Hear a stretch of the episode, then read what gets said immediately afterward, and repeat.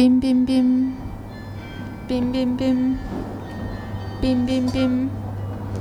see heli tähendab äh, Tartu Raekoja platsil automaatselt seda, et kell on saanud kolm. Äh, meie Veikoga oleme siin kolmandat päeva. salvestame oma kolmandat äh, Tartufi taskuhäälingut ja peagi-peagi hakkame vestlema ühe mehega, kes on viimasel ajal, viimastel aastatel väga palju sõna võtnud armastuse teemadel. nii et äh, vaatame, kuidas meil täna läheb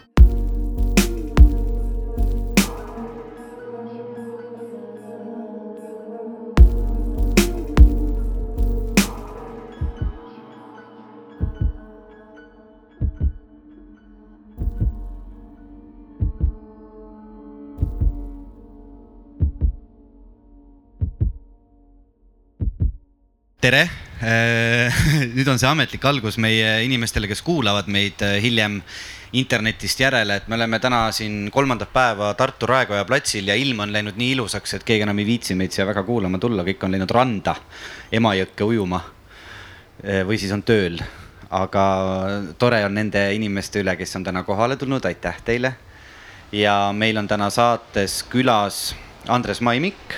tere kelle kohta ma ei oskagi midagi öelda, selles mõttes, et kas, kas sõna filmimees on midagi, mis, millega, mida sa aktsepteeriksid või mm,? jah, võib öelda küll. võib öelda küll, jah? võib öelda lihtsalt mees. mees, meil on täna külas mees, Andres Maimik, mees parimates aastates, Andres Karlsson Maimik. ei, see oli loll nali, ma võtan selle tagasi. ja nagu ikka, me räägime armastusest, selle kõige kitsamas ja laiemas tähenduses, mis siis pähe on tulnud ja miks äh, me Andrese saatesse kutsusime, oli tegelikult see, et mina sattusin lugema Müürilehest äh, märtsikuu Müüri, märtsikuisest Müürilehe veebiversioonist Andrese kirjutist pealkirjaga Tunnete ökonoomika, vastab, vastab tõele, et ma nüüd ei eksi pealkirjaga. Ja mulle väga meeldis see, mida ta seal kirjutas ja kui ma selle hiljem saatsin Elinale, siis Elina saatis mulle sõnumi vastu, kus oli kirjas rets, kolm hüüumärki, seal on ju kõik kirjas nii et äh, me võiksime tegelikult ka paluda inimestel hoopis äh, nüüd panna see podcast kinni, võtta see artikkel lahti ja lugeda seda, kui nad oskavad lugeda. aga kui te ei taha, siis äh, siis me võib-olla natukene puudutame seda teemat ja, ja kõiki muid teemasid ka ja ma tõesti vastasin sellele, ma olin juba unustanud, ma vastasin räts, ma arvan, umbes kolme Z-iga lõpus, siis viie hüüumärgiga ja et seal on kõik kirjas. ja pärast seda ma saatsin umbes kümnele oma oma tutvusringkonna sõbrannale selle artikli, kellest kaheksa olid seda otse loomulikult näinud ja öelnud, et ma olen juba ammu seda jaganud, kus sina pool aastat oled olnud. Ähm, ja siis ma mõtlesin, et, ähm,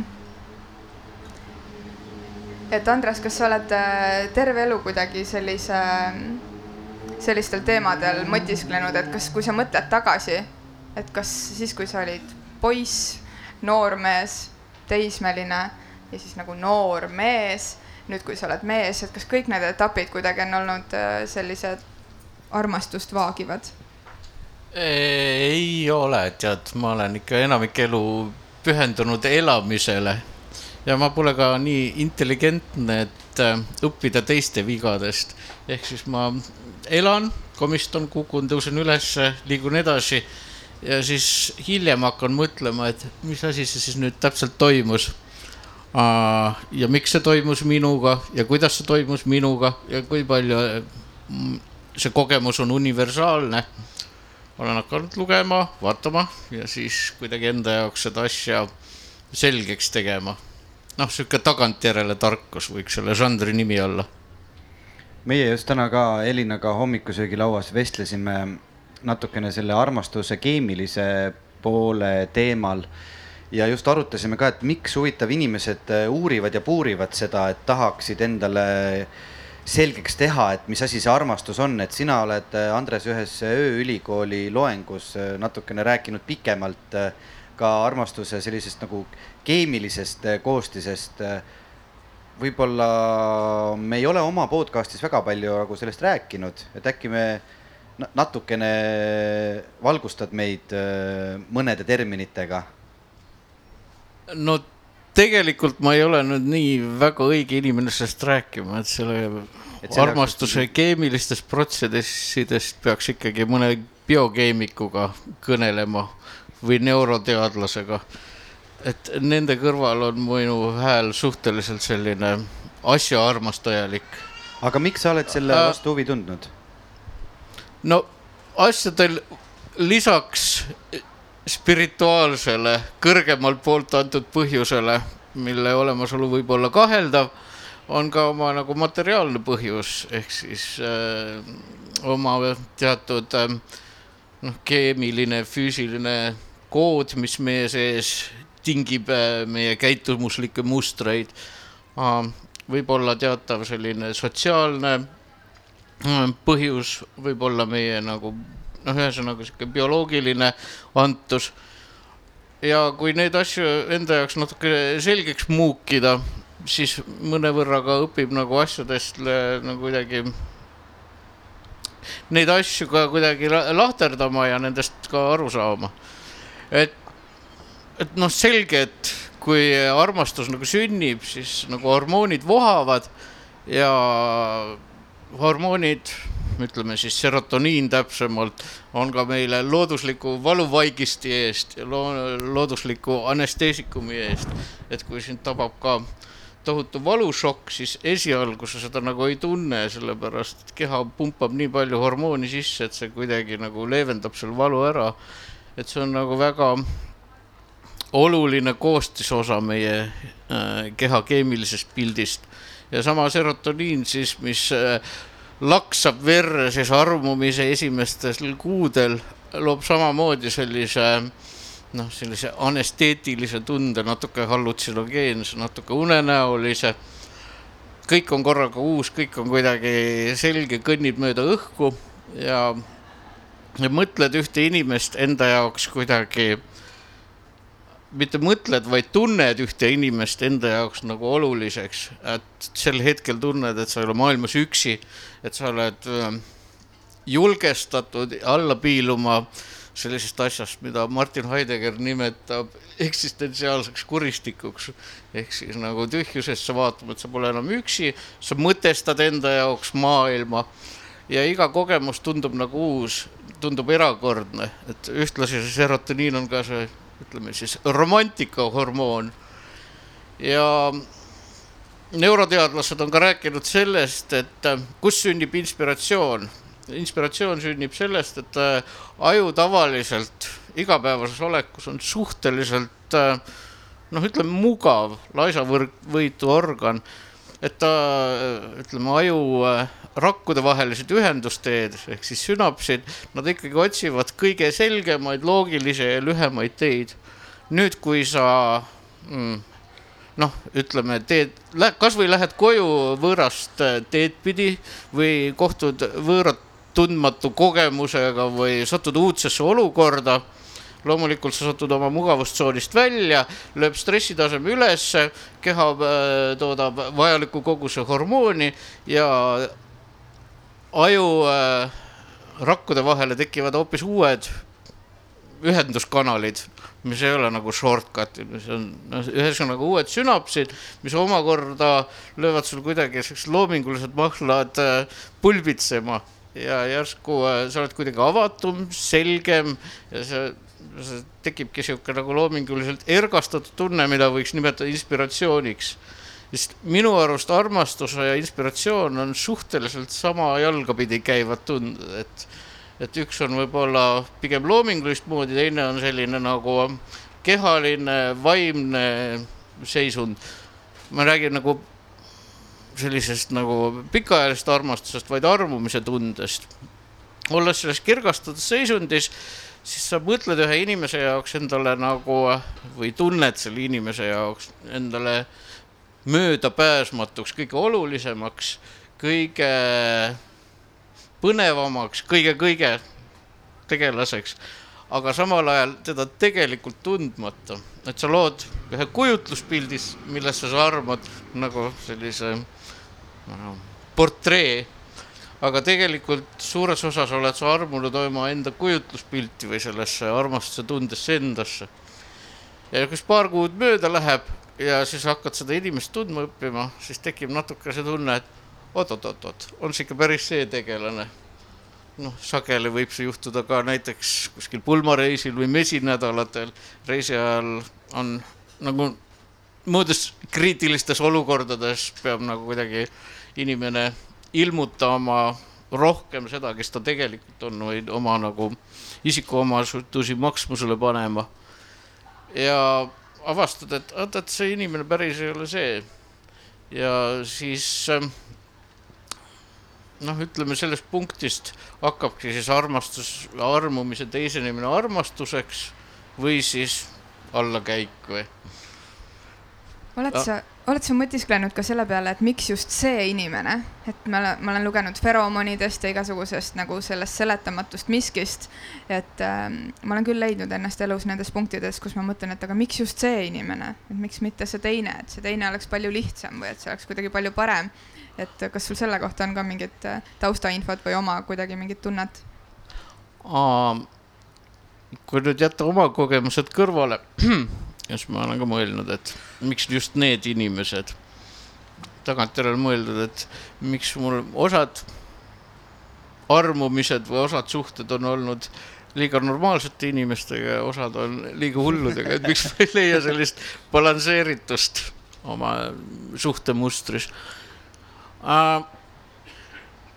Alain de Botton, üks selline populaarfilosoof on väitnud, et me saame ikkagi lapsepõlvest kaasa oma armastuse mustrid.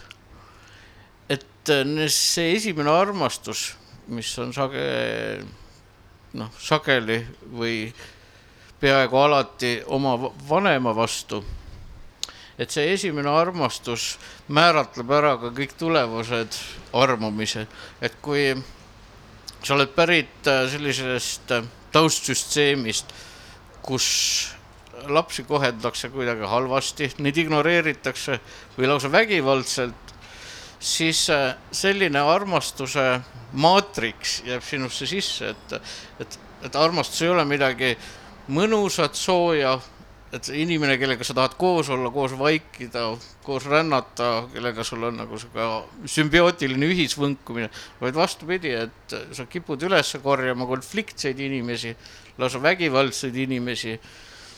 ja siis pärast ikkagi imestad, et miks sa selles jamas nüüd oled. kipud üles korjama inimesi, kes sind halvasti kohtlevad, kes sinuga manipuleerivad. või siis vastupidi, võtad selliseid tegelasi, kellest jõud üle käib, keda sa kipud ise manipuleerima või halvasti kohtlema.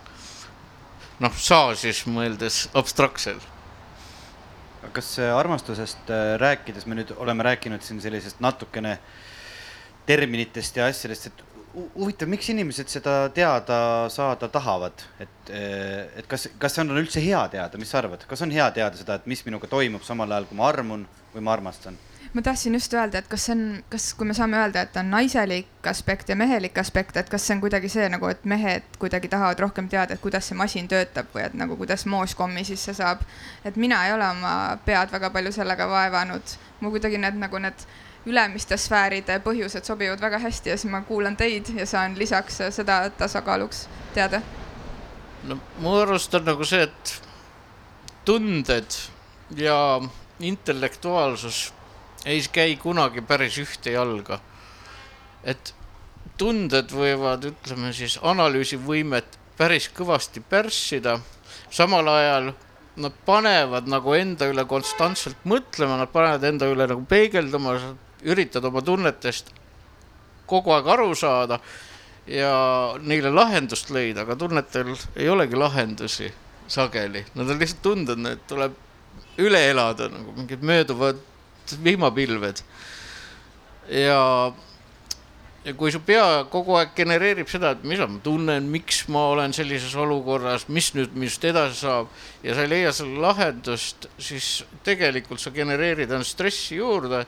see tekitab sinus enda, endas nagu sellist ängistust, piina, et et miks ma ei leia, noh miks ma ei leia nagu ratsionaalseid lahendusi, mis omakorda pritsivad signaale üles äh, mõistusesse või sellist nagu raatiopinnale, et et miks mul nüüd on see stress kallal ja see on selline nagu ütleme siis tühikäigul energia raiskamine. ja üldiselt armunud olekul hakata ennast nagu väga sügavalt analüüsima, seda ei, seda ei soovita. et iga asi, et selleks, et sellest aru saada, tuleks ta kõigepealt üle kogeda, natukest distantseerida, nii et sa lõpuks hoomad selle proportsioone, saad sa aru, mis selline see asi on, astuda nagu eemale, rahuneda, tulla välja ja siis hakata sellega tegelema, otsima seoseid ja põhjuseid ja tagajärgi. lihtsalt vastan ka Elina korra sinu küsimusele, et ma ei usu, et see on ainult nagu kinni mehes või naises, sest näiteks kui me rääkisime Eija Uusiga kirjanikuga, siis tema ju samamoodi hakkas otsima no et lugema raamatuid selle kohta, et mis asi see armastus siis on, ma arvan, et see pigem on võib-olla mingisuguses äh, kogemuses, et kui sa oled saanud mingisuguse sellise, et millest sa ei saa aru, et kuidas see võimalik on, et asjad nii ei lähe, et siis sa hakkad otsima mingit äh, teaduslikke seletusi sellele, et kuidas see süsteem siis töötab ja et kas oleks võimalik seda koodi lahti murda, aga nii palju, kui ma aru saan, siis mingit valemit tegelikult olemas ei ole, nii et me võime siin rääkida eh, noh, igasugustest terminitest, aga keegi ju armastuse valemit tegelikult ei tea lõpuni. jah, ja ikkagi nagu kuidagi see valem siis on ikkagi pidevas muutumises sest et nagu see, mina seal tegurina olen võib-olla kuidagi nagu natuke teistsugune kui sina. aga ma mõtlesin ka, et, et selles armumise faasis, et see on tegelikult, seda ei juhtu ikkagi nii tihti, et, et sellel hetkel lülitada ennast analüüsijaks. me pigem tahamegi seda kogu kehaga kogeda ja me isegi teame, et nagu see on totakas või see on nagu lollakas aga me tahame nagu kuidagi totakad ja lollakad olla, et see kuidagi nagu mingis mõttes nagu tervendab kuidagi keha ja, ja sul ongi nagu täiesti ükskõik, mis mõne aja pärast saab. noh, lootused ja kõik on sealjuures olemas, aga, aga ma arvan, et ma ei suudakski ennast lülitada väga sellesse analüüsi rolli sellel hetkel, et, et, et see pole väga võimalik kui me nüüd kõrvale jätame kõik sellised bioloogilised faktorid nagu sugu, kihu ja jätame kõrvale ka sotsiaalsed faktorid, et sul on vaja paarilist, sul on vaja seltsi ja sul on vaja kaaslast, siis minu arust üks armastuse väga oluline või armumise väga oluline tekkepõhjus on see, et inimene tahab oma ellu, vajab oma ellu erakordsust, vajab enda ellu isegi nagu sellist mm, destruktiivset draamat et kui sa ehitad ennast üles kiht-kihi haaval, ehitad oma minapildi üles, kogud äh, kapitali, sotsiaalset kapitali ja materiaalset kapitali ja noh, ehitad endale majakese ja ehitad endale teise suvemajakese ja äh, ronid vaikselt karjääriredelil üles, see kõik on kuidagi ette määratud, kõik on kuidagi stsenaariumi järgi, kõik on kuidagi selline igav, võib-olla võib-olla ei paku nii palju sellist nagu spontaanselt inspiratsiooni kui nagu armumisseisund. ja siis korraga sa armud ära ja kõik see, mis on sulle olnud oluline, kogu see ülesehitustöö, äh, paremal juhul tõstad selle kõrvale, kaoks mõneks ajaks sinna romantika udusse halvemal juhul loodki sellest draama, sind ei huvita enam midagi, sa kaod ära, sa unustad oma töö, sa võid oma selle maja jätta oma eks ka, ekselukaaslasele. sa tahad ainus selles seisundis viibida. inimesed võivad nagu täiesti unustada oma töö tegemise, võivad äh, kaduda ära, võivad äh, kuskil märatseda ringi ja see tunne, et see on keelatud või see, et see on ajutine ja lõpeb nagunii halvasti, annab veel sellele erakordse intensiivsuse. et äh, sa tead, et varem või hiljem see lõpeb nagunii ära või see tuleb välja ja siis on maailm paksu pahandust täis ja suur draama, aga see on sihuke meie tunne, meie maailm, meie nagu ühisosa. ja see on see on selline sfäär, kus piiranguid ei ole, redeleid ei ole ja võib minna nii eksessiivseks, nii hulluks, kui vähegi tahab. et me teame küll, milleks nagu armumised inimesed on võimelised, kui kõrgele nad võivad ronida, sealt alla kukkuda nii otseses kui kaudses mõttes. no samas see kõlab nii ägedalt ju. Äh, see, et, äh, et mis inimesega armumise ajal toimub aga kas ei ole nagu niimoodi, et, et ühiskond, kus me elame, et ta no, nagu lubab meile seda narkootilist äh, sündmust nagu vähe või noh, ütleme, et reeglite järgi peaks olema niimoodi, et noh, et sa saad selle kätte ja, ja pärast seda tuleb nüüd armastus ja nüüd on elu lõpuni niimoodi, et, et sa pead käima seda rada, et kas see ei ole kuidagi inimeste piinamine või mis sa arvad? et armastus tuleb või, ta ei pruugi tulla? ei, ma mõtlen seda, et kui armastus. armumisest ei pruugi armastus välja pruugi, kasvada. jah, sellest ma saan aru, aga ütleme niimoodi, et, et noh, reeglite järgi peaks ju olema niimoodi. ma nüüd noh, utreerin, aga et, et ma armun ja et siis me hakkame koos elama ja siis nüüd äh, elatakse elu lõpuni koos ja nüüd sa rohkem ei tohi armuda. see on ju ühiskondlik reegel, kas on nii, Elina, või ei ole või? no mingite kokkulepete kohaselt. aga see ei ole põhiseaduses kirjas meil või?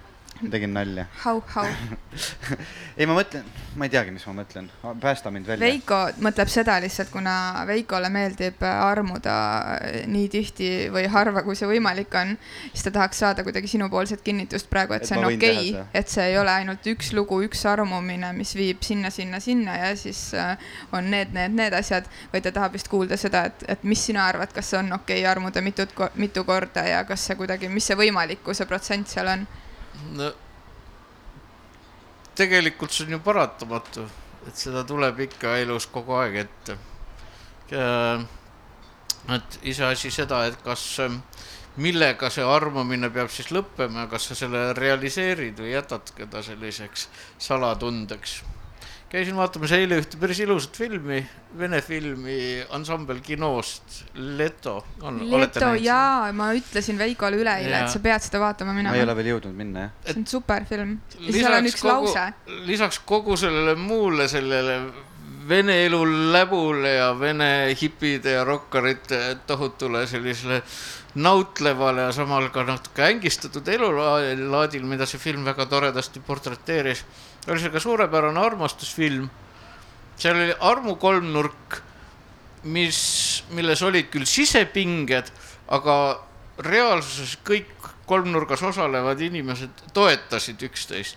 noh, nad armastasid üksteist nagu erineval viisil, kas siis nagu tahtega või siis nagu hormoonidega või siis lihtsalt olid üksteise fännid või mentorid või, või siis patroonid ja ja see noh, jutt seal siis peategelane oli mitte Viktor Tsoi, siis ansambel Kino nagu ninamees ja väga geniaalne laulukirjutaja, vaid tema vanem sõber, keegi Miga, ei, Maik, keegi Maik, kes siis äh, oli põhimõtteliselt Peterburi rokiskeene nagu mm, kroonimatu kuningas et kellel oli kõige suurem plaadikogu, kellel kõige suuremad teadmised, kellel kõige noh, selle aja mõttes kõige ägedam bänd.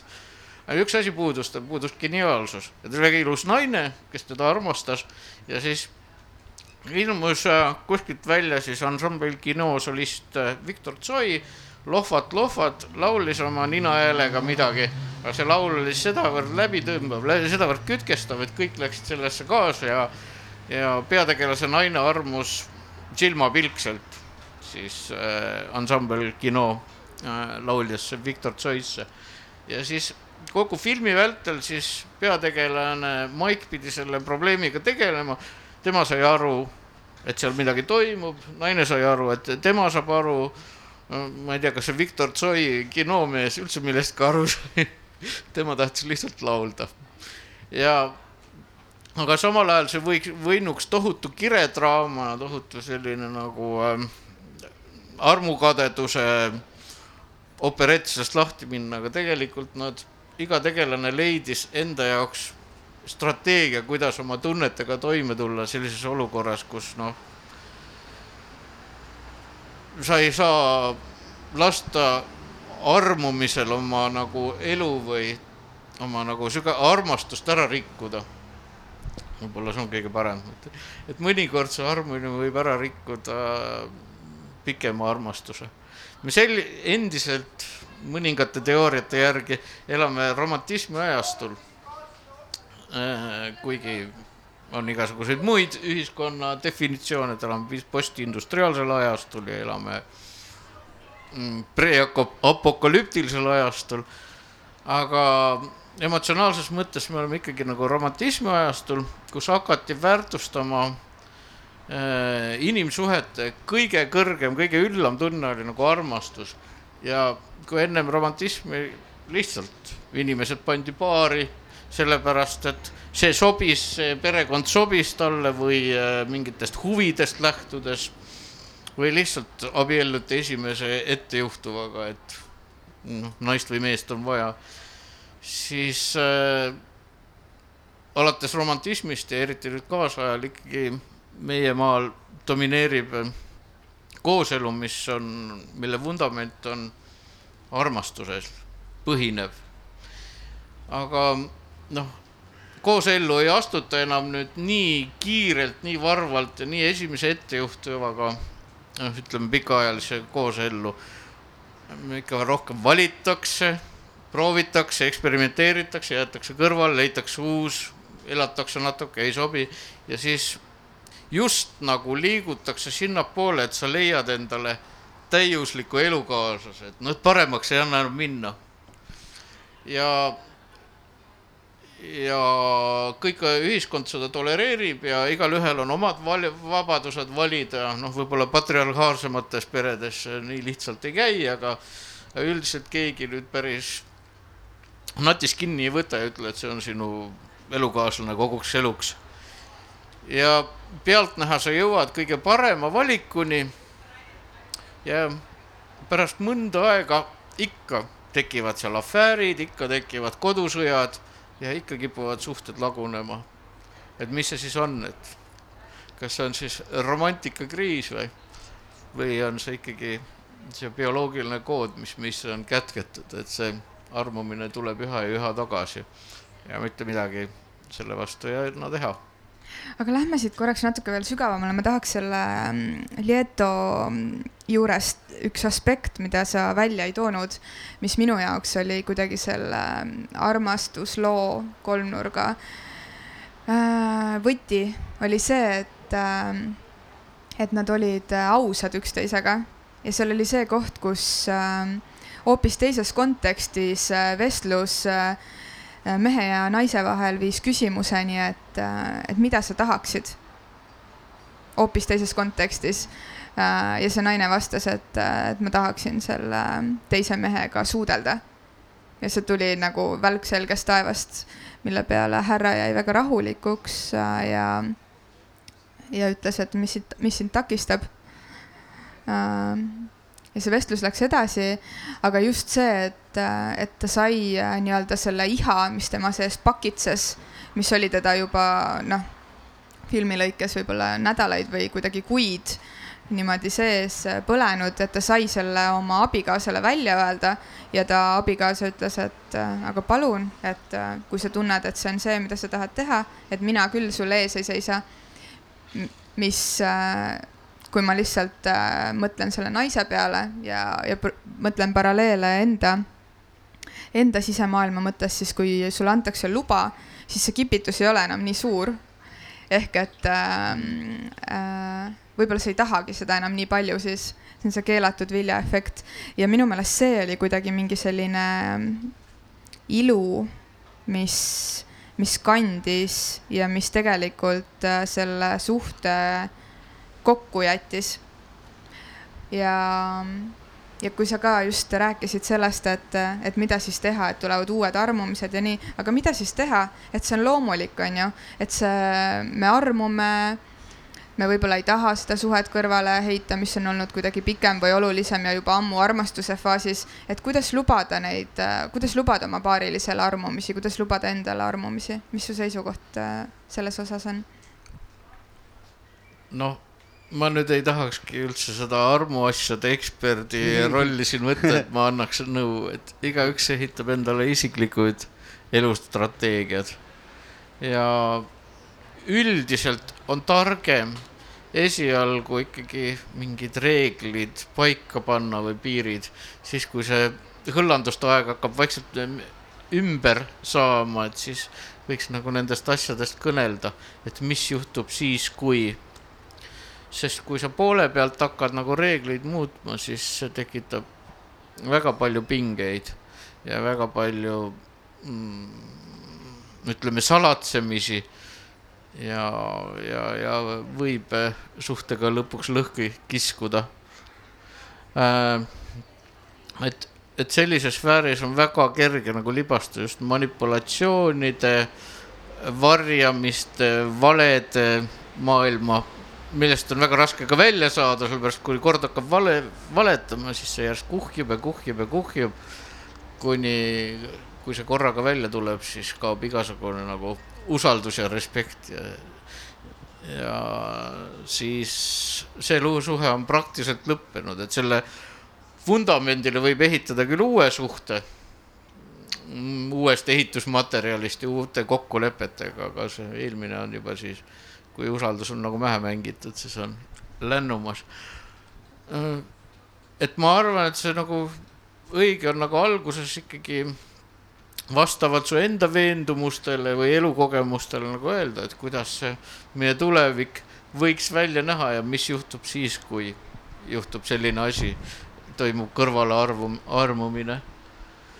ja noh, ega see, ütleme ka tulles, tulles tagasi sellele filmi Leto siis keskse tegelase Maiki juurde, ega tal ei olnud ka ikkagi, ta lubas küll naisel suudelda mm, siis Viktor Tsoid, mida ta ka sel isukal ühel öösel tegi.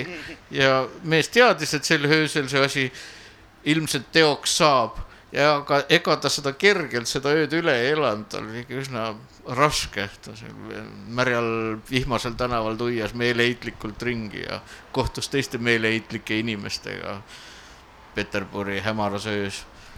mul on tunne, et ta tegi selle otsusega oma naine selleks Äh, ööks vabaks lasta selle teene, et, et ta kinkis endale ühe sellise vihmasöö, sest et kui ta ei oleks äh, ja, seda naist ju... Äh, selle otsusega vabaks lasknud, siis ta oleks ilmselt kinkinud palju vihmaseid kuid või aastaid. ja seda küll jah, ja kokkuvõttes, kui sa oled rokimees ja seod oma naise kuhugile seina külge kinni, siis sa ei ole ju mingi rokimees, et rokimees peabki elama libertiinlikku elu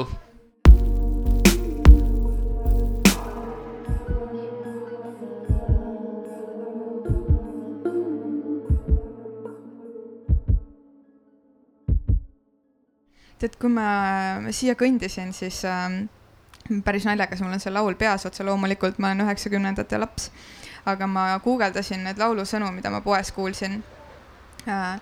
lõpuks leidsin sind, lõpuks leidsin sind, mulle hoidsid end nii kaua, täna meil koos on olla hea. nii, ja siis laulab Pearu, see on ka homme, nii ma tean. ja ma pole mitte kunagi ühtegi Duke Wickstarti laulu kuulanud kuidagi, kuidagi äh, sinna liialt süvenedes ja ma kuidagi, mul jäi nii kripeldama, et kuidas see Pearu siis laulis, et nagu, et see on ka homme nii, et tema nüüd teab ähm,. et kuidas ta teab, onju, noh, Pearu laulab kellegi teise sõnu ka loomulikult, aga et see on see kuidagi seesama, see kokkulepete asi, et ähm, meil on oma tutvusringkonnas, ma ei mäleta, Veiko, kas ma olen mingis saates rääkinud seda, aga et meil on oma tutvusringkonnas niisugune naljakokkulepe, et mitte keegi ei tohi abielluda enne kolmekümne kuuendat eluaastat, sest kõik on täiesti lollakad lihtsalt enne seda, keegi pole elu näinud, keegi ei tea mitte midagi ja keegi ei tea, mida nad tahavad ja nad lubavad kokku mingisuguseid asju, sest et ma tean, et see on ka homme nii. ja, ja tegelikult nad ei tea ehk et nende kokkulepete tegemisega ma olen väga nõus, mis sa ütlesid, et, et suhte alguses tuleb äh, leppida kokku, aga nii paljud inimesed loovad liite äh, nii, et nad ei tee mitte mingisuguseid kokkuleppeid, lubades homset, mida nad lubada ei saa. just, või tehakse kokkuleppeil valel ajal või valel viisil, kui sa oled tohutus armumise nagu palavikus ja hakata siis, teeme nüüd väikse koosoleku, istume maha ja mhm. paneme PowerPointi käima ja siis võtame punkthaaval läbi, milline meie tuleviku elu saab olema. see tundub kuidagi nii kohatu ja, ja nii kuiv ja kalk. Ähm, ja samal ajal, kui sa hakkad juba nagu koos elama, hakkad oma elu koos üles ehitama ja siis hakata nagu tagantjärgi uuesti neid reegleid sättima, tundub natuke hilja ja et kuidas üldse nagu rääkida, et kuidas sõlmida abieluvaralepingut siis, kui sa oled just rääkija vandunud nagu igavest armastust ja siis ütled, et kui me nüüd lahutame, siis sina saad siin selle seinakella ja mina saan siis raamaturiiuli. et see kõik tundub nagu kogu aeg nii kohatu. et, et, et leida selline õige nagu lähenemisviis asjadest kõnelda on ka omaette kunst, sest ühel hetkel varem või hiljem tekib rollikonflikt. ja rollikonflikt seisneb sellest, et ühest ajal sa oled tohutu laver nagu sihuke noh, meeletu tegelane, kes kap-, hüppab mustade hobustega ja selle ja, ja ronib mööda rõduääri üles ja viid kuhugile meie igavesse Pariisi, kõnnib seal mööda katuseid ja, ja selle kimbulille tasemel kingid sa terve, võtad sa kaasa terve lillekioski, mille sa kingid koos lilletädiga.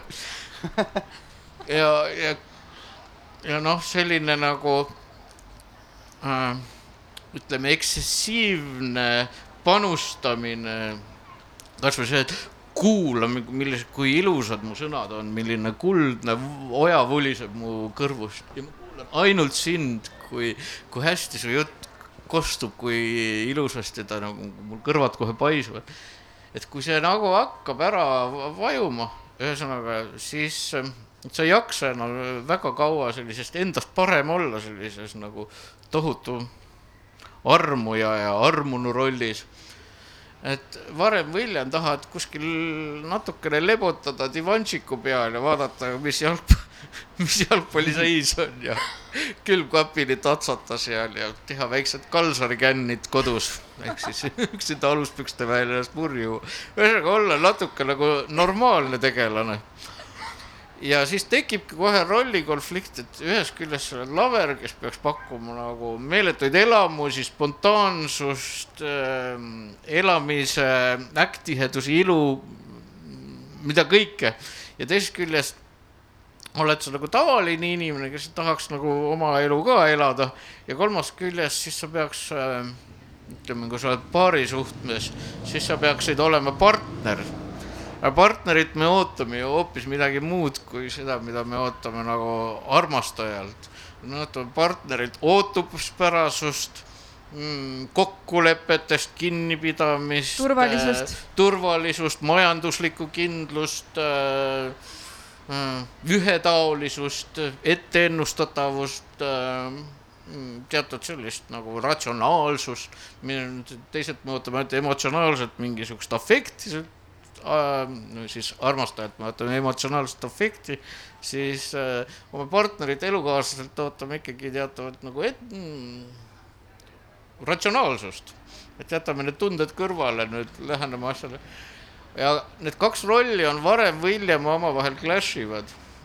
siis, kui sa oled päris kaua elanud koos sellises nagu konstruktiivses kooselus, sihuke hirmus defitsiit tekib selle romantika selle järele ja noh, siis ongi mõeldud igasuguseid ähm, värskenduskuure kooseludele, et reisimisest alates kuni, kuni ma ei tea, uuesti salateidile minema omaenda elukaaslasega. või siis võib-olla mõnel julgemal paaril ka väikseid kõrvalripsutusi. aga, aga noh, see värskhoidmise strateegiate nagu käsiraamat on päris paks aga ükski pole mu arust päris täiuslik. kas see kuidagi ei ole pigem nagu ikka elus, et nagu kõigega tasakaalu on vaja hoida, et kui sa jäädki nendes aluspükstes töllerdama sinna diivani ja külmkapi vahele ja, ja noh, enamasti see ainult nii on, et siis on see üks äärmus, on ju, ja siis teine äärmus on see väsitav mingisugune, ma ei tea, Zorro on ju, kes sul akna all hüppab ja, ja teeb kõike, kus sa oled siis mingis rollis. et äh, et ma näen ümberringi, et see komistuskivi pigem ongi nagu kuidagi selles, et vajutakse sellesse mingisse ühte mugavusäärmusesse ära, kuni ühel hetkel on nagu selline tunne, et äh, keegi lööb sulle pannide ja kulpidega kõrva ääres mingeid helisid kokku ja sa ärkad mingist unest, kus sa oled olnud kümme aastat äh, ja siis mõtled, et okei okay,, et nüüd ma hakkan siis parandama, aga siis on hilja.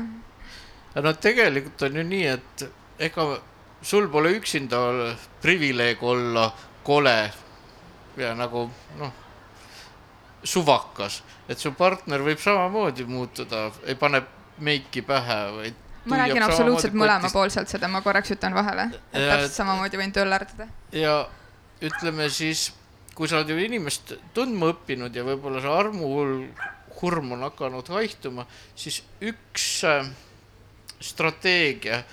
üks asi jääb ikkagi tööle, see asi, mis ei ole nagu ka otseselt ainult elukaaslaste vahelise armastuse kandetala, vaid võib ka olla noh, vanematelt lastele või mida sa tunned oma kõige paremate sõpradega, just nimelt läheduse tunne.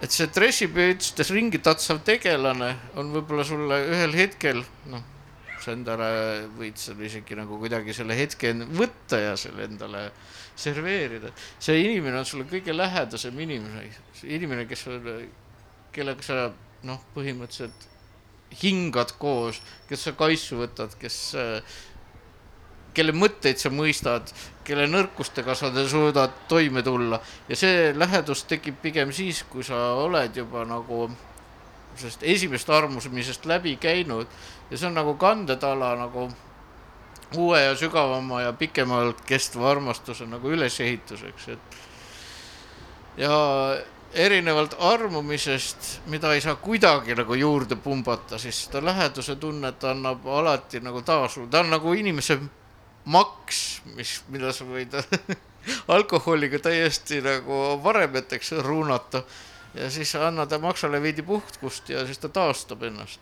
et samamoodi lähedust on võimalik taastada, see on nagu õpitav omadus, nagu paljud teised äh, ütleme siis kutseoskused on õpitavad, maja ehitamine või, või, või äh, Kihnu seeliku kudumine, mina võib-olla seda ära ei õpi, aga ehk see nõuab,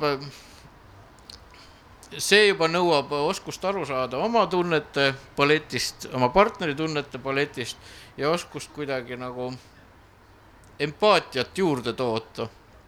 sageli see tuleb ka koos äh, laste saamisega, et lapsed ei küsi ju nagu enamasti, et kas sa ikka mind armastad, see on nende jaoks antud, sa peadki neid armastama.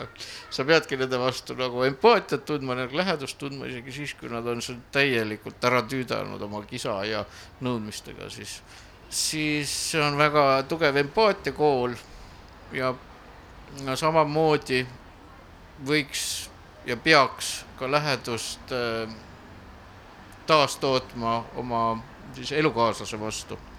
noh, seal on veel igasuguseid nippe, mida psühholoogid ja terapeudid soovitavad, et kuula teda ja ole kannatlik ja või siis vastupidi, ära lase talle pähe, endale hmm. pähe istuda mm,. ole õigel hetkel otsustav, ülejäänud aja oled paindlik. noh, see on ikka tohutult keeruline mäng nagu siukse köiel kõndimine, see, kuidas siis nagu seda armastust ja lähedust taas luua. eriti ütleme siis keerulisemat sorti elukaaslastega igapäevases olukorras. lastega, lastega on küll niimoodi, et see on noh, tõesti asi, mida mina, mina olen ka isegi ma, ma ütlen, võib-olla nagu, nagu lihtsalt nautinud, et see on nagu ülim, ülim armastuse vorm, et sa et see tundub kuidagi nii lihtne, et, et see peaks ju ole, olema võimalik siis ka ju mitte lastega või? ma ei tea, ma kuulan ja kuulan ja kuulan ja kuulan ja siis kõik see asi läheb mulle järjest segasemaks ja segasemaks ja ma, ja ma nagu tunnen, et ah, peaks lihtsalt nagu tegema mingi restardi ajule ja üldse unustama ära igasugused äh, nagu mõtted, reeglid, kuidas, millal ja lihtsalt laskma vist asjadel nagu minna või me oleme Veikoga tegelikult öelnud jah, meil on nüüd täna kolmeteistkümnes äh, podcast'i osa salvestus, et, ähm, et mida osa edasi, seda vähem me kuidagi jagame teemat. mitte, et, mitte et me oleks arvanud, et me varem jube hästi teadsime, aga lihtsalt iga osaga kuidagi on see tunne, et äkki peaks nüüd vähem rääkima. äkki peaks nüüd kuidagi nagu mis on tegelikult äh, tore. tuleb üks, üks saade teha puhtast vaikusest. ja meil oli täna plaan niimoodi, et Elina tantsib ja, ja siis meie Andresega istume niimoodi ja, ja salvestame seda heliliselt lihtsalt vaikust. aga. on, on ju idamaised praktikad, et kui sa tahad oma kirgedest ja vaevadest, mis käivad parastamatult armumiste ja armastuse ja, ja kogu selle gamma jaaga kaasas ja ütleme, armastuse purunemise, lõhkumise, siis on ju võimalik minna alati mõnda templisse või lihtsalt istuda metsa alla, puhastama oma mõtteid, toituda ainult käbidest ja seentest ja, ja kuidagi leida buda olemus iseendas või mõtelda selle üle, kas koeral on buda loomus või mitte sa tead õiget vastust sellele või? kindlasti tean, ma tunnen, et kaks härrat minu kõrval on sellises meelsuses, et nad ei ole valmis seda infot vastu võtma. aga ma korraks küsin, Andres, sa ütled seda mm, irooniaga ja mulle meeldib, tegelikult ma ise ironiseerin äh, oma vaimsete praktikate üle täpselt sama palju, kui ma neisse usun. Äh, aga kas sa arvad, et seal on mingisugune koht, äh, kus leida see kontakt iseendaga, kus, kus see rahu saabub? no kuna meil see eneseabitööstus, ma ei pea ainult silmas seda esoteerilist või spirituaalset eneseabi poolt, vaid ka igasuguseid noh, ka kognitiivse psühholoogia poolt, ütleme siis psühholoogia kui distsipliini poolt heaks kiidetud äh, teraapiavorme ja, ja igasuguseid retriite ja laagreid ja tantraid ja mantraid ja mis iganes seal praegu pakutakse ja mis on need äh, polüamooriat ja et, et ju kui neid asju nagu praegu vohab igalt poolt ja sinna inimesed massiliselt lähevad, ju siis on mingisugune suuremat sorti lünk, mida need täidavad ja ju siis inimesed, kes äh, eneseotsingud läbi käivad, kas siis kokku jooksnud suhete pärast või ütleme, mingi muu elukriisi pärast või lihtsalt, et ennast täiustada, et ju siis neil on oma koht ja ju neid on siis vaja, ju siis inimesed saavad kuidagi täiustunuks, täiustunumaks. isiklikult ma isiklikult kuidagi esteetiliselt põhjustel mm,, ma teen ühte dokfilmi koos äh, Eva Kübaraga polüam-, polüamooriast ja, ja. mis, mis see on? noh, mina ei tea. vaba armastusest põhimõtteliselt okay. ja tantrapraktikatest. ja olen käinud neid laagreid vaatamas ja mulle isiklikult tundub, et mind on kogu aeg nagu küsitud, kas ma ei tahaks ise osa võtta, kas ma ei tahaks kuidagi praktiseerida seda aga ma näen ennast, et kui ma läheks sellesse sfääri ja ma ei oleks nagu täie uskumuse ja kogu südamega asja kallal, siis ma kehastaks pigem seal nagu rolli, teeks mingi eksperimenti, vaataks ennast kõrvalt ja kuidagi kisuks teistele inimestele ka energia alla või ajaks, ajaks tuju pahaks, kes seal igasuguseid, igasuguseid äh, intiimsemaid ja vähem intiimsemaid praktikaid viljelevad see on omamoodi huvitav maailma ekspeditsioonil käia, noh nagu avastad elu marsil ja vaatad, vau, siuksed tegelased on liikvel. aga, aga ma ise hoian teatud vot sellist heatahtlikku mõõdukat distantsi. Ja pigem riskin sellega, et äh, mul ikka kõik asjad ei ole päris sees kokku liimitud ja kõik asjad ei ole kuidagi spirituaalselt väge täis see on vist nagu jälle kõigega, et, et, et polegi mõtet punnitada ennast kuskile, milleks sa valmis ei ole või, või kui sul ei ole nagu mingit sisemist äratundmist tulnud, et nagu nüüd, nüüd ma pean nagu selle salvestuse siin pooleli jätma ja lihtsalt jooksma mingisugusele kohtumisele või koolitusele või asjale, mis, et et ja, ma arvan, et sa oled väga aus endaga. ja, ja mis on veel fenomen, mida sellesamast teemast natuke puudutades ja uurides selgub, et aga me filmis paar, kes läks sellesse polüamooria või lasi oma suhte vabaks, läks vaba armastuse teed.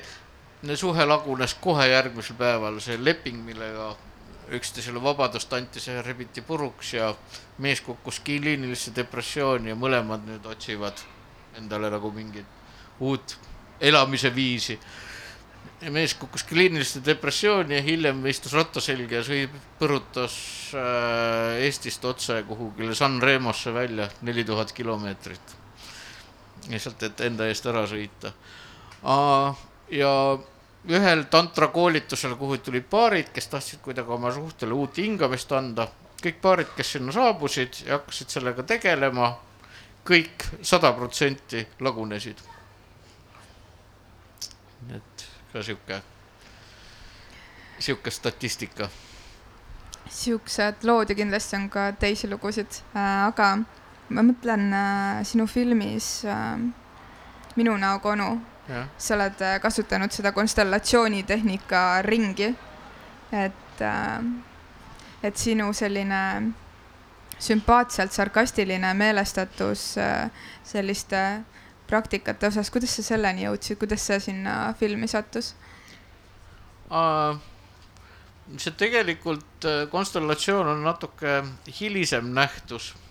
et see, mida filmis kujutasime, oli gestaltteraapia, siis üks, üks harjutus, kus sa paned endale äh, kujutletava partneri vastu ja siis ütled talle näkku kõik asjad, mida sa öelda tahad ja noh, põhimõtteliselt öö, oksendad välja kogu selle hinge, hingesita, mis sinna kogunenud on kellegi vastu.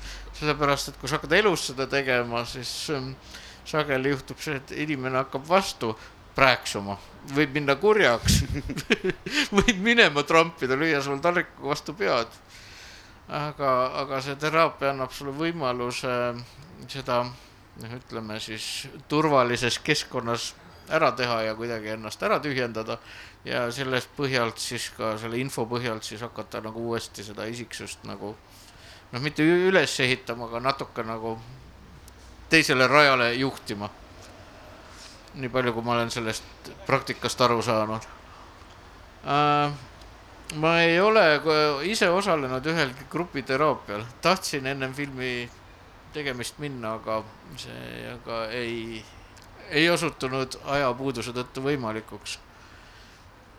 seetõttu oli see võib-olla üks asi, mille, mille kohta saab öelda, et ma päris lõpuni ei teadnud selles, selle, seda asja, millest ma seal rääkisin. ma muidu eelistan seda, et inimesed kõnelevad sellest, millest nad midagigi teavad. mulle lihtsalt äh, see film väga meeldis mm.. ja ma arvan, et see on üks äh, üks sinu esimesi filme, mis mind kuidagi on nagu äh, liigutanud mingi koha pealt, et äh, mingites teistes hetkedes on olnud nüansse, mis mind väga kõnetavad ja mida ma hindan, aga seal oli mingi selline, aga võib-olla ka see kodumaisus või eestimaisus, et, äh, et sa tead neid tegelasi,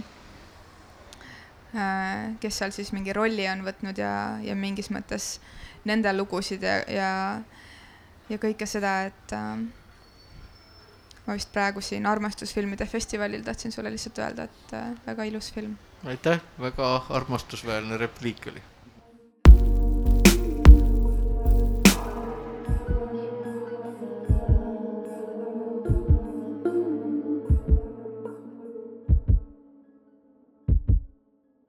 ma võisin olla mingi viie-kuueaastane ja siis äh, ja siis äh, ma mäletan, et ma, mu ema hakkas omaette vaikselt ütlema, ma armastan sind, ma armastan sind. ja ma vaatasin kohe talle kohe oma suurte silmadega otsa, et aa, jaa, muidugi. ja siis ma sain aru, et need silmad on kuhugile mujale pööratud ja see repliik ei ole üldse mulle mõeldud ja see oli minu jaoks lapse jaoks üks üsna nagu arusaamatu ja segavad tunded, et mis, mis, kuhu see lause siis, kellele see oli mõeldud ja miks see oli niimoodi öeldud. no hiljem tekkis selle ühe onu pilt ja, ja noh, see onuga lõppes veel asjad, ei läinud päris hästi ja mu ema oli tükk aega nukker seal ja aga see esimest korda ma hakkasin jah mõtlema siis, et mida see, mis selle lause taga on ja miks see ei olnud mulle mõeldud. selline, selline mälestus on kas sa oled kuidagi, kas see on kuidagi lähiajal ka üles tulnud või oled sa vaadanud selle sisse või kuidagi leidnud sealt mingeid uusi tahke? läheks ema juurde ja ütleks, et sa tegid mulle lapsepõlve trauma, et ütlesid, ma armastan sind ja mõtlesid kellelegi muule samal ajal. ma ei ole seda asja lahendanud. lihtsalt kui Veiko kutsus üles meenutama, et kus ma nii-öelda sellisest äh, armastust esimest korda hakkasin nagu teadvustama, noh, tundena sa muidugi oled nagu kiindunud oma vanematesse ja mõnesse teisesse inimesse ja aga, aga no tavaliselt see on nagu selline antus, olevik, et kui sa ei oska nagu analüüsida ka ütleme armunud olles ka, ka täiskasvanuga, kui sa oled isegi nelikümmend aastat vana ja tuleb see asi peale, et kas sa ise, ise ei oska analüüsida, siis lapselt on see täiesti ülekohtune nõuda, et ta saaks oma tunnetest aru. aga see kuidagi tundus mulle ema poolt kuidagi reetlik. siis ma kuidagi tundsin, et mina peaks olema universumi keskpunkt, mina olen tema majesteet laps seltsimees laps, et, et elu peaks nagu minu ümber käima ja armastus peaks mulle serveerima, aga aga et see kuhugile mujale läheb, see kuidagi tekitas noh, ütleme rajas võib-olla aluse elukestvale võitlusele hmm, omaenda sellise, ütleme siis arvukadedusdeemonitega? see juba kõlab nagu me lahendame siin seda natukene sest sa räägid vaata kõva häälega, ma olen alati öelnud, et kõik vestlused, äh, mida ma kellegagi pean või kui keegi küsib minult, et siis need vastused, mida ma kõva häälega välja ütlen, et need on mulle justkui tegelikult endale, et ma justkui protsessin seda asja ja siis ma kuulen, et annan sulle seda vastust ja kuulen ja et see lugu nagu harutubki ja midagi saabki selgemaks. praegu sind äh, vaadates kuidagi tundsin, et, äh, et see nagu harutuks. no lapsepõlvest võib rääkida, sest see on piisavalt kaugel, et keharakud on juba mitu korda vahetunud selle aja jooksul, et see on hoopis teine inimene. sellest võib ennast nagu kuidagi distantseerida küll. minul on. et ma ei hakka nüüd päris noh, ütleme neid läbielamisi võib-olla analüüsima, mis jäävad siia lähiaega. minu, minul on äh, üks äh, küsimus, mis mind on vaevanud saateid ja saateid, me ühes saates Elinaga ja kas oli äkki Eiaga hakkasime vaidlema teemal, et kas on võimalik panna äh, kedagi endasse armuma ja kui ma lugesin seda sinu artiklit seal alguses, sa kirjeldasid, et sa tegid selle luulesaate ja et on see, on see nagu võimalik, et et paned kedagi endasse armuma rohkem veel, kas sa usud sellesse? no mingid nõksud on jah, aga need nõksud on täpselt meie sellise meelelise ja kehalise ütleme siis seda, mida meie meel ja keha meile ette kirjutab, sellele sageli vastuolus. näiteks on palju lihtsam panna inimesi endasse armuma siis, kui sa oled nagu äh, võiks öelda selline positiivses mõttes puhuistlik. sa oled sihuke nagu noh, natukene nagu noh, enesekindlam, jõulisem, mehelikum, sihuke veidike mürgine elu näinud, no sihuke paned oma šarmipedaali põhja ja kui sa reaalselt kellestki sisse võetud olema oled, siis sageli juhtub just vastupidine efekt. sa genereerid seda mõtet või nii palju on see sundmõte peas, et appi, mida ta minust mõtleb, appi järsku ma ütlen midagi valesti, järsku ma astun valges vale sammu, järsku ma ei mõju piisavalt veenvalt. hakkad neid asju peas ketrama ja siis muutubki siukseks kohmikloomaks, asjad lähevad ümber ja sõnad lähevad suks pudruks ja ja, ja, ja kõik realiseerub täpselt vastupidiselt sellele, mis milliseks sa kujutanuks ennast ette. ehk siis vastus sellele küsimusele on võib-olla lihtsam on panna armuma inimesi, keda sa ilmselt ei hakka vastu kunagi armastama Te, teha nii-öelda eksperiment lihtsalt. ütleme nagu loogika ütleb. teaduslik katse. aga, aga kuskilt, noh, mõne inimesega hakkab see flow toimuma, aga sa pead piisavalt palju signaliseerima. põhimõtteliselt olema natuke nagu stalker või piisavalt palju talle pühenduma ja teda otsima, teda ene, enesega nagu kuidagi ümbritsema ja panema teda olukorda kuidagi, kus ta on sees. vähemalt minu, mul on niimoodi töötanud paremini kui see, et mingisugune keegi tuleb vastu ja välk lööb sisse ja pihv-põmm ja ongi suur, suur lave käimas et, et natukene on vaja nagu seda noh, ütleme nagu kalapüügil öeldakse, et koht tuleb sisse sööta ja siis hakata seal latikaid välja tõmbama. huvitav, mis see protsent on, mis te arvate, et eh, kas on niimoodi, et kui paljudel inimestel lööb see välk sisse ja paljud inimesed on seda nii-öelda kohta sisse söötnud? ma ei tea, aga ma samal ajal, kui te siin samastute, mõtlesin, et mis äh, naised, äh, et kas naised samastuvad. ma hetkel vist ei suuda, aga, aga mul on väga põnev kuulata. ja sageli on nii, et jotadel läheb päris hästi, nad saavad ikkagi sest nad on ennast joonud pohhuistideks. et nad võivad tõesti võtta endale ajalehe kioski turjale ja ajada ühe takso ära ja minna oma mingisuguse naise juurde. ja kui sa suudad talle selgeks teha sellise nagu joodikliku nagu metsikuse ja karismaga, kõmm, et mina olen see mees ja ma pakun sulle erakordset tunne, ma tõstan su pjedestaalis mulle ma olen ise väga lahe ja ma garanteerin sulle selliseid elamusi, selliseid tundeid, sellist nagu meeletust, ma rautan sul lakke kinni kohe, ühesõnaga oled oma maha joonud oma sellise igapäevase tsiviliseerituse ja häbelikkuse ja oled nagu ennast siukseks nagu karismapommiks üles pumbanud. Ja siis see asi jah siis see asi on võib-olla täitsa, võib-olla läheb päris hästi, aga kahjuks äh, ütleme sellisele jooma inspiratsioonile järgneb vääramatult, mis siis järg-, deliirium ja tohutu pohmakas ma olen võib-olla väga teistsugune naine. kui ma varan, kujutan ette, et sihuke kiosk seljas mees oleks mu akna all, siis ma. jookseks eest ära või? ma, ma ilmselt paneks akna kinni nii et Elinal ei tasu kioskiga tulla akna taha. aga mm, see küsimus ikkagi, et mis asi see armastus on? Äh, ma võtsin ühe tsitaadi sinu artiklist välja. Äh, konteksti ei anna, lihtsalt ütlen selle, et armastus on igatsus kättesaamatu järele, armastus on ilmaolek. kas sina oled sellega nõus või ei ole?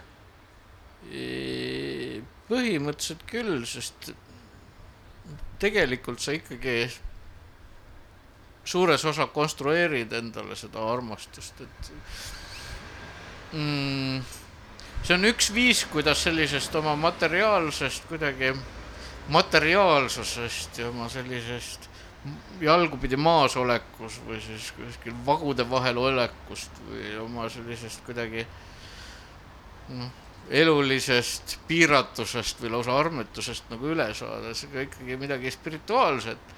Aga nagu ikka, spirituaalsus on maailm, mida, millel ei ole nagu mateeriat taga, et see, sa kas siis mõtled seda välja või tunned seda välja või lood seda maailma nagu loomingi, et tal ei ole või noh, nagu helilooming või, et sa kuuled ilusaid helisid, aga neid materiaalseid ei ole olemas, et noh, lihtsalt helivõnked. noh, armastuse puhul siis on keemilised või elektrilised võnked kehas ja see ilmaolek, ilmaolek on midagi sellist, mida sa saad täita, see on sinu enda privaatne maailm, sa lood endale selliseid kujutluspilte ja armastad neid. Ja, ja eriti esimeses faasis, millest me kõnelesime ka, ei pruugi need kujutluspildid üldse vastata sellele, mis tegelikult on ja mõnikord on niimoodi, et äh, saad oma, ütleme siis armastada kokku, päris tore koos olla, aga nagu väsid ära ka. tahaks just seda tunnet, et tahaks eemale, tahad üksi olla, tahaks seda igatsust tunda, seda ihalust tunda. ja, ja tahaks seda nagu noh, seda oma privaatset armumist või armastust tunda, seda kujutluspilgi vastu. võib-olla, ma ei tea, võib-olla selle tegemist vaimse onanismiga üks asi, mis ma veel tahtsin rääkida, on see, et, ähm, et me oleme võib-olla liiga palju keskendunud sellele esimesele faasile ehk mm -hmm. siis armumisele, mis on väga tore, sest siis süüakse maasikaid vahukoorega, nopitakse otse peenrast. aga kuidas need maasikad sinna kasvavad, selleks tuleb ka sõnnikut visata iga päev. ja kui oled sa maasikad ära söönud, siis mu arust on sinu jaoks nagu kuidagi moraalne, eetiline kohustus ikkagi ka igapäevaselt sõnnikut visata, seda peenart hooldada, et sinna tulevad uued maasikad. ehk siis armastus ei piirdu ikkagi nagu kahe inimese suhtega, et see armastuse nagu see loodusvara, ta on loodusvara, mida sa pead nagu jagama ka mujale targasti. siis sõpradele, lastele, sugulastele. ja ma olen sinuga nõus, ma olen ise tajunud ka, mida aasta edasi, seda rohkem, et, et kui sul need nagu liinid su ümber, su sõbrad, su lapsed ja et kui need, need on, need armastuse kiired on sul igale poole välja suunatud, siis on, siis on kuidagi nii lihtne olla, et ei olegi vaja lõpuks seda, et keegi tuleks kioskiga akna taha ja ütleks midagi. mulle õudselt meeldib äh, üks Maarja Kangro mõttekäik, mis puudutas äh, ütleme siis laste eest hoolitsemist ja seda, kui palju noored emad investeerivad või kulutavad sinna aega, mida nad võiks nagu muidu elamisse paigutada et elaga, elada täies linnal ja tantsida meeletult tantsida kuni lõppjaamani välja. et, et tegelikult see aeg, mida sa ära kulutad, sellega tood sa maailma aega juurde. et kõikide nende tagu, kakaste tagumike peale pühitud, kakaste tagumite pühitud need tunnid, need päevad, et, et sellega sa annad uuele elule võimaluse, võimaluse uuesti armastust taastoota. kuidagi see maasikapeenra ja sõnniku mõte jääb mind nii mõnusasti kummitama siia lõppu, sest mulle see, see väga meeldis. ja me tegelikult Veikoga kakastest tagumikest rääkisime eile just ka, nii et äh, eriliselt kõnetab ja täna hommikul sõime maasikaid. nii et äh, me teeme seda podcast'i lihtsalt sellepärast, et me tahame seda teha ja me just enne, kui sa tulid, ütlesime ka, et et meil on äh, Patreoni platvorm, kus lihtsalt inimesed saavad valida, kas nad tahavad meid toetada ühe, kolme või kümne euroga kuus. ja siis eile õhtul, öösel, me salvestasime Toomemäel äh, siis Patreoni toetajatele erisaate. Ja need Patreoni erisaated on täis kämamised nii et et keda see huvitab, siis saate kuulata. me jõudsime selle jooksul äh, äh, vaielda, kisada, naerda, arutleda ja tegelikult see podcast armastusest äh, ongi, kätkeb endas kõike. ja ühe mõtte tahaksin siia lõppu veel lisada, nagu ütleb Arnold Rüütel et noh, et on armastuse sündi suurepärane üle elada ja seda ikka aeg-ajalt elus juhtub aga üks filmi režissöör on öelnud, et ah, need armastuse tekkimised, need on kõik nii ühesugused. aga iga armastuse lagunemise lugu on väga isikupärane ja unikaalne.